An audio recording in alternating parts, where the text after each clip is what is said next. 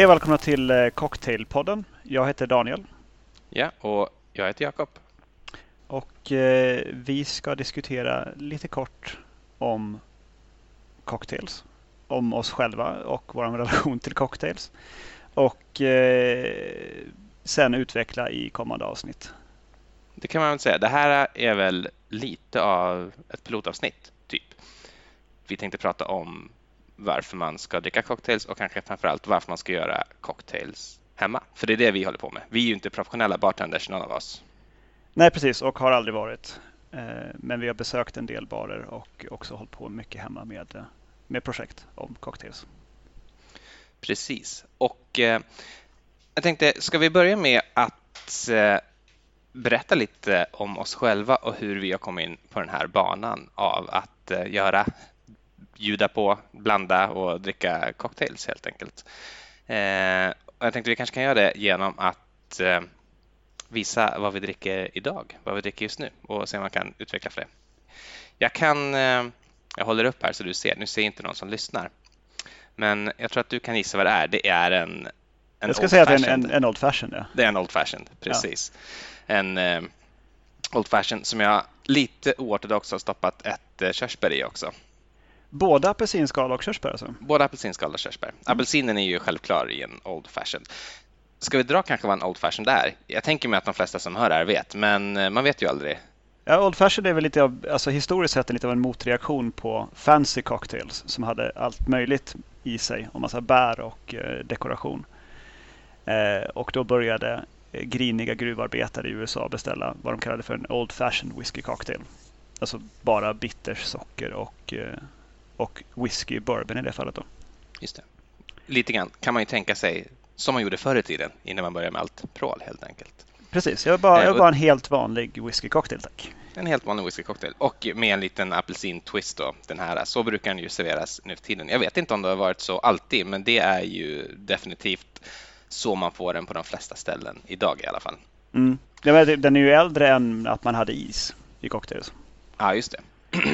Så från början var den ju helt enkelt rumsvarm. Och med en, en, en skvätt bitters i helt enkelt. En skvätt bitters, en skvätt vatten kan man tänka sig och lite socker. Och på så sätt kanske nästan något sorts recept för en urcocktail. Jag tänker mig att en urcocktail är någonting starkt, någonting svagt, någonting sött och eh, någon sorts krydda. Och kryddan i det här fallet är väl bitters, angostura bitters som jag har använt. Det är väl det vanligaste. Jag har i alla fall tagit och gjort den här cocktailen idag till premiäravsnittet för att det var en Old Fashion som fick mig att intressera mig för cocktails från första början. Okay. Satt på en uh, utebar i Uppsala, där jag bodde på den tiden, och uh, beställde in något som jag tyckte lät klassiskt. Och uh, vad kan låta mer klassiskt än Old Fashion? Och vart, jag varit ganska imponerad. Jag hade tidigare bara druckit White Russians och Bluefish och oh, drinkarna från vårt, från vårt 90-tal. Du minns det säkert? Jo, jag otäcka minnen därav. Det kan vi återkomma i ett kommande avsnitt av, av podden. Eh, snedsteg i ungdomen i, i drinkblandande. Men det var ju yes. inte cocktails på den tiden. Det var ju någon slags groggvirke med sprit. Mm. Eller om man skulle vara fancy då, en White Russian. Så var det åtminstone när jag gick ut i slutet på 90-talet. Ja, alltså i slutet på 90-talet då var ju också Galliano Hot Shots en stor grej. Ah, just det, just det. Vilket det fortfarande faktiskt är. Det finns eh, några ställen här i Göteborg där jag bor nu som eh, faktiskt aldrig tog bort dem från menyn.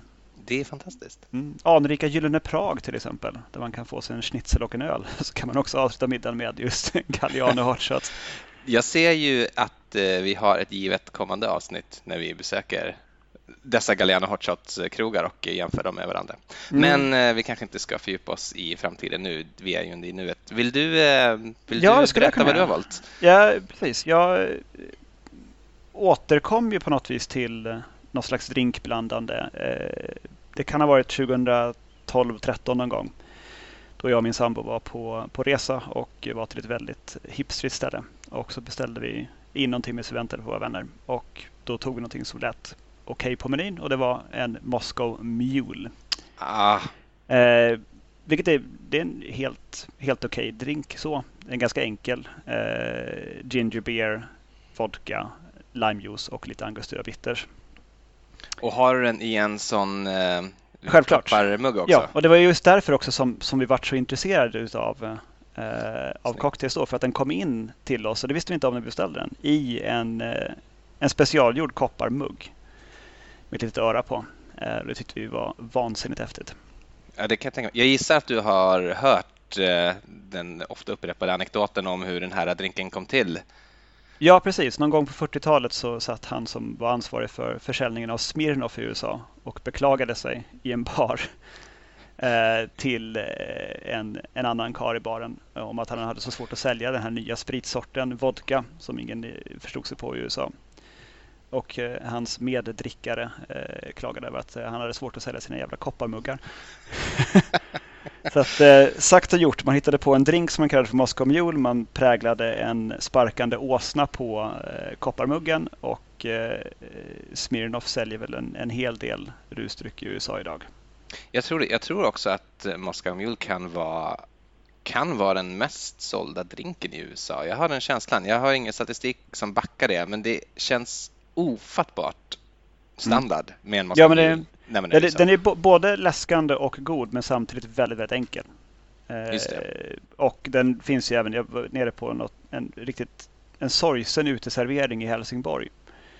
Eh, då hade de en hel meny bestående enbart utav eh, mules i olika sorter.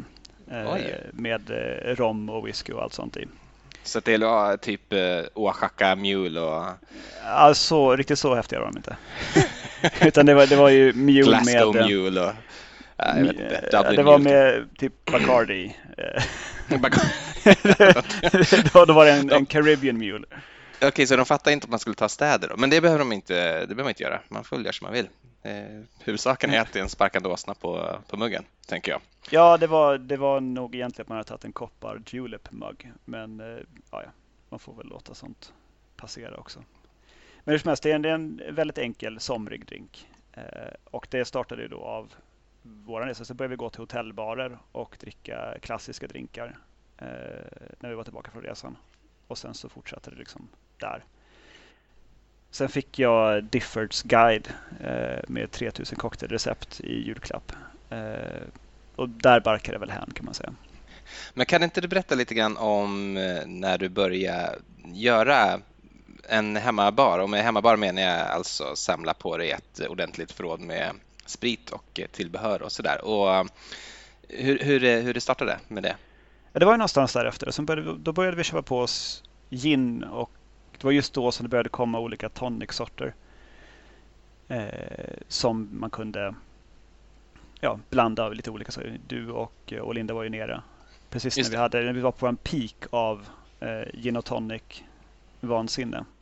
Det var en episk Linda från Hatbaden kanske vi ska Precis. lägga till. Eh, det var en episk, e, e, episk eh, ginbuffé. Jag minns den mycket väl, åtminstone de första timmarna av den. Precis, sen var det lite mer dimmigt. Eh, så det var väl ungefär det. Att vi började med olika ginsorter. Eh, och sen har vi byggt vidare på det. Nu har vi ju eh, ofantligt mycket olika sorter av, eh, av sprit och flera utav varje sak. Liksom. Eh, och sen har vi gjort lite grann själva också. Alltså gjort egen grenadin och eh, bitters och lite sånt. Men det kan vi också återkomma till i, i kommande avsnitt utav, eh, av podden. Saker man kan göra själv. Det kan vi göra. Vi har, då har vi kanske egentligen touchat den viktigaste, den viktigaste ingrediensen när man ska göra cocktails, nämligen spriten va? och eh, tillbehören med Grandin och sådär. Men eh, vad skulle du säga om man vill börja göra cocktails hemma men inte känner för att gå all in? Eh, och eh, vad, vad, är det man behöver i, i, eh, i tillbehör? Alltså shakers, den typen av saker, alltså de fysiska föremålen. Mm. Ja, det kan man egentligen gå till vilken loppis som helst och köpa första bästa enkla tredelars cocktailshaker man hittar. Och vad är skillnaden på, på tre och två delar? Ja, en tredelars den har ju som en liten sil i sig i, i locket och sen så en liten kapsyl ovanpå det. Så slår man upp alla de tre delarna så skakar man sig cocktail så häller man ut genom den silen. Så stannar isen kvar inuti. Just det, så då det behöver man ingen egen, egen sil för att sila bort eh, citrus och is och sådär utan det sköter inbyggda silner? Man kan, eh, även om man använder en tredjedelscocktail så kan det vara bra att använda en liten tesil precis mellan cocktailshaken och glaset som fångar upp små bitar av eh, citruskött och eh, isbitar som annars ligger på, på drinken. Just det. Det, det är, de flesta har ju en tesil hemma för att kunna använda på det, det viset. Sen tvådelars shaker, oftast så säljs de så är det en glasdel och en metalldel. Och så måttar man upp eh, det man ska skaka i eh, glasdelen. Och sen så sätter man isen i metalldelen och sen så slår man innehållet i glasdelen över och slår ihop den och sen skakar man. Men då behöver man en, eh, en liten, så kallas för en Hawthorne strainer, som är en sån en rund eh, sil kan man säga på ett skaft med en liten spiral som håller tillbaka. Om man inte vet vad det är så kan man nog associera till en sån visp som man vispar ägg med till exempel, eller hur? Inte en ballongvisp alltså? Utan ja, precis, här... fast, fast på ett platt metall en platt metallgrej helt enkelt. Precis. Ja, vi, kan, vi kan lägga till en bild på det i, eh, i länkarna sen till avsnittet. Det kan vi. Hur, hur en sån strainer ser ut. Men det är väl ungefär det eh, som man, man absolut behöver. Jag skulle sen... vilja lägga till några saker. Eh, typ glas förstås. Eh, man måste ju ha någonting att, att dricka det ur och eh, jag tycker inte att man behöver gå all in. Man kan gå på en loppis också eh, och köpa två sorters glas egentligen. Dels ett Old Fashion glas, det är ett sånt glas som jag har nu då. Alltså helt enkelt bara vad tror jag de flesta skulle kalla ett whiskyglas. Några sådana och kanske några martiniglas. Jag tycker man klarar sig ganska bra på det. Eller sådana Coop-glas om man inte mm, tycker att martiniglasen är eh, vackra att se på så kan man ju köpa sådana liksom rundade champagneglas också. Jag tror att man klarar sig egentligen ganska, ganska bra där. Mm. Alltså, vi har köpt alla våra glas på loppis jag, jag ser ingen poäng med att köpa nya glas. För det finns ofta ett väldigt stort utbud på vilken loppis som helst av både kantiga, sådana typiska martiniglas och lite mer rundade eh, gamla champagneglas, eller låga champagneglas. Just det. Och det gäller även din mugg där som du har idag antar jag? Nej, den har jag faktiskt beställt. Eh, för då, 2012-13 någonstans, så fanns inte sånt att, att få tag i. Så den har jag köpt på, på nätet. Eh, men det säljs mycket kopparmuggar på, på loppis i Sverige, absolut. Du får hitta någon ja. som är skapligt ren och sen skruva ur den.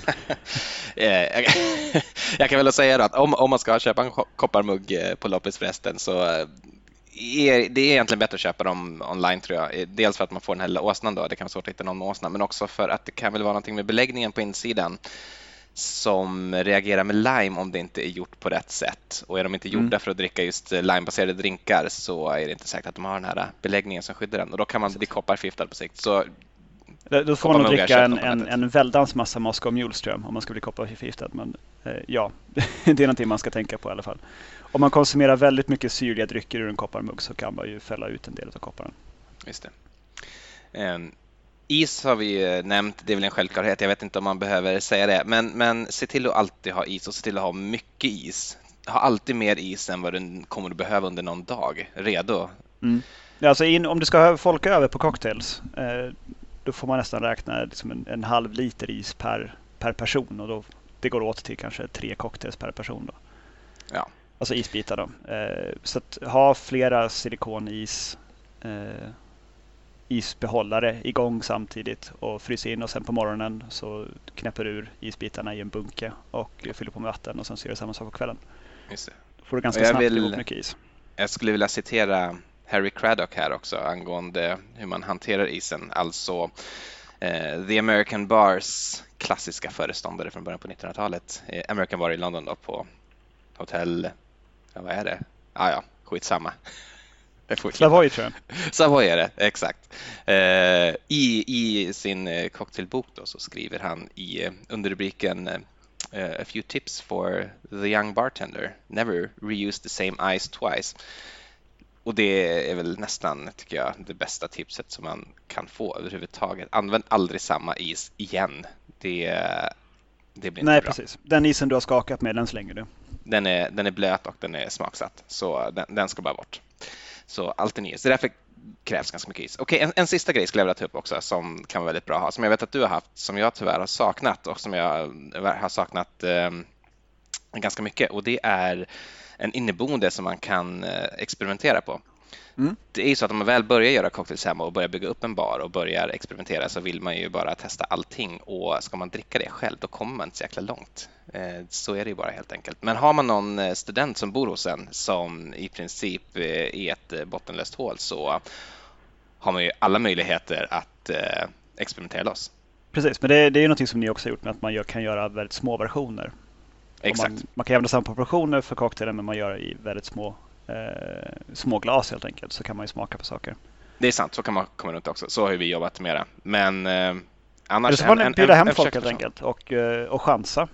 Eh, jag skulle säga att om man hittar en tre jag tror nästan att det räcker med tre cocktails man själv gillar i lite olika sorter. Så en lite spritig sak som en Old Fashioned och kanske någonting syrligt som en, en Daiquiri och någonting enkelt som en, en Mule eller bara en GT. Eh, då kan man börja liksom bjuda folk på det när, när folk kommer hem. Man liksom upp en liten lapp på väggen där det står liksom, de här cocktailsarna gör jag ikväll. Och så kan folk välja mellan det. Och redan där liksom på tre, fyra cocktails så är, är man ju före de många andra. Liksom. Så att, eh, har du någonting som, som blir bra och som du kan träna upp dig på så eh, blir det trevligare att bjuda hem folk. Så är det verkligen. Så är det verkligen. Eh, det tror jag vi kommer komma ganska mycket till egentligen. Hur gör man för att bjuda folk? Hur gör man för att imponera på folk? Hur gör man för att eh, framförallt eh, folk som man har hemma hos sig ska ha en trevlig kväll som kanske kan bli en trevlig natt. Eh, men eh, det kommer vi till. Jag vet inte, har du någonting mer som du vill nämna specifikt i detta avsnitt? Det skulle vara kort bara liksom, köp i början de spritsorter du tycker om. Försök inte köpa alltihopa. Liksom, hittar du en receptbok så kommer du liksom att se det finns ju för varenda bassprit som finns eh, recept som verkar intressanta. Så håll det enkelt till att börja med. Köp eh, gin, whisky, bourbon, vodka för dina gäster kommer antagligen tycka att vodka är en bra idé. Ljusrom. Eh, ljusrom och mörkrom. Ja, det är väl det. Eh, Då kommer det är väl det viktigaste. Och sen se till att ha apelsin, citron och lime hemma. Alltid. Mm. Alltid färsk och ingen, inte på flaska. Nej, nej, Utan nej. Pressa, pressa dina juicer eh, inför cocktailsarna. Och ska du göra många cocktails som du vet att du ska ha många cocktails som har citrus i sig så kan du pressa precis innan gästerna kommer. Eh, och sila upp genom en tesil i en flaska. Sparar vi väldigt mycket tid eh, när cocktails ska göras sen. Um, möjligtvis att man ska kanske kunna nämna uh, Simple Syrup som det står i många recept. Just det. Sockersirap, och så det är lika delar vatten och socker. Och antingen bara rör till sockret har löst sig eller värma upp på spisen och till sockret har löst sig. Och det står ibland också Rich Simple Syrup. Och då menar man eh, alltså två, två delar socker till en del vatten. Eh, I vissa recept så står det så. Och då måste man nästan värma upp det. Jag har i alla fall svårt att få det att lösa sig om vattnet mm, är tempererat. Men det ska inte koka någon längre tid, det ska liksom bara upp. Nej, bara, till bara till, sockret är, till sockret är försvunnet helt enkelt. Det går att köpa sånt också och man kan i nödfall använda eh, lönnsirap och liknande eh, för att fylla den funktionen, för att få i sötma i drinkarna. Det kan man göra, men det är nästan alltid lättare att bara blanda ihop lite sockerlag skulle jag säga. Mm. Det vill säga simple syrup. Och den Med... håller några veckor i kylskåp också. Exakt. Ska vi, ska vi skåla? Skåla ut det här? Det tycker jag vi ska göra. Och eh, sen eh, så återkommer vi inom kort helt enkelt med, eh, med nästa avsnitt. Ja, hoppas att ni har eh, lyssnat med behållning och hoppas att ni vill fortsätta lyssna. Så skål och hej! Skål! Ha det gott! Ha det gott!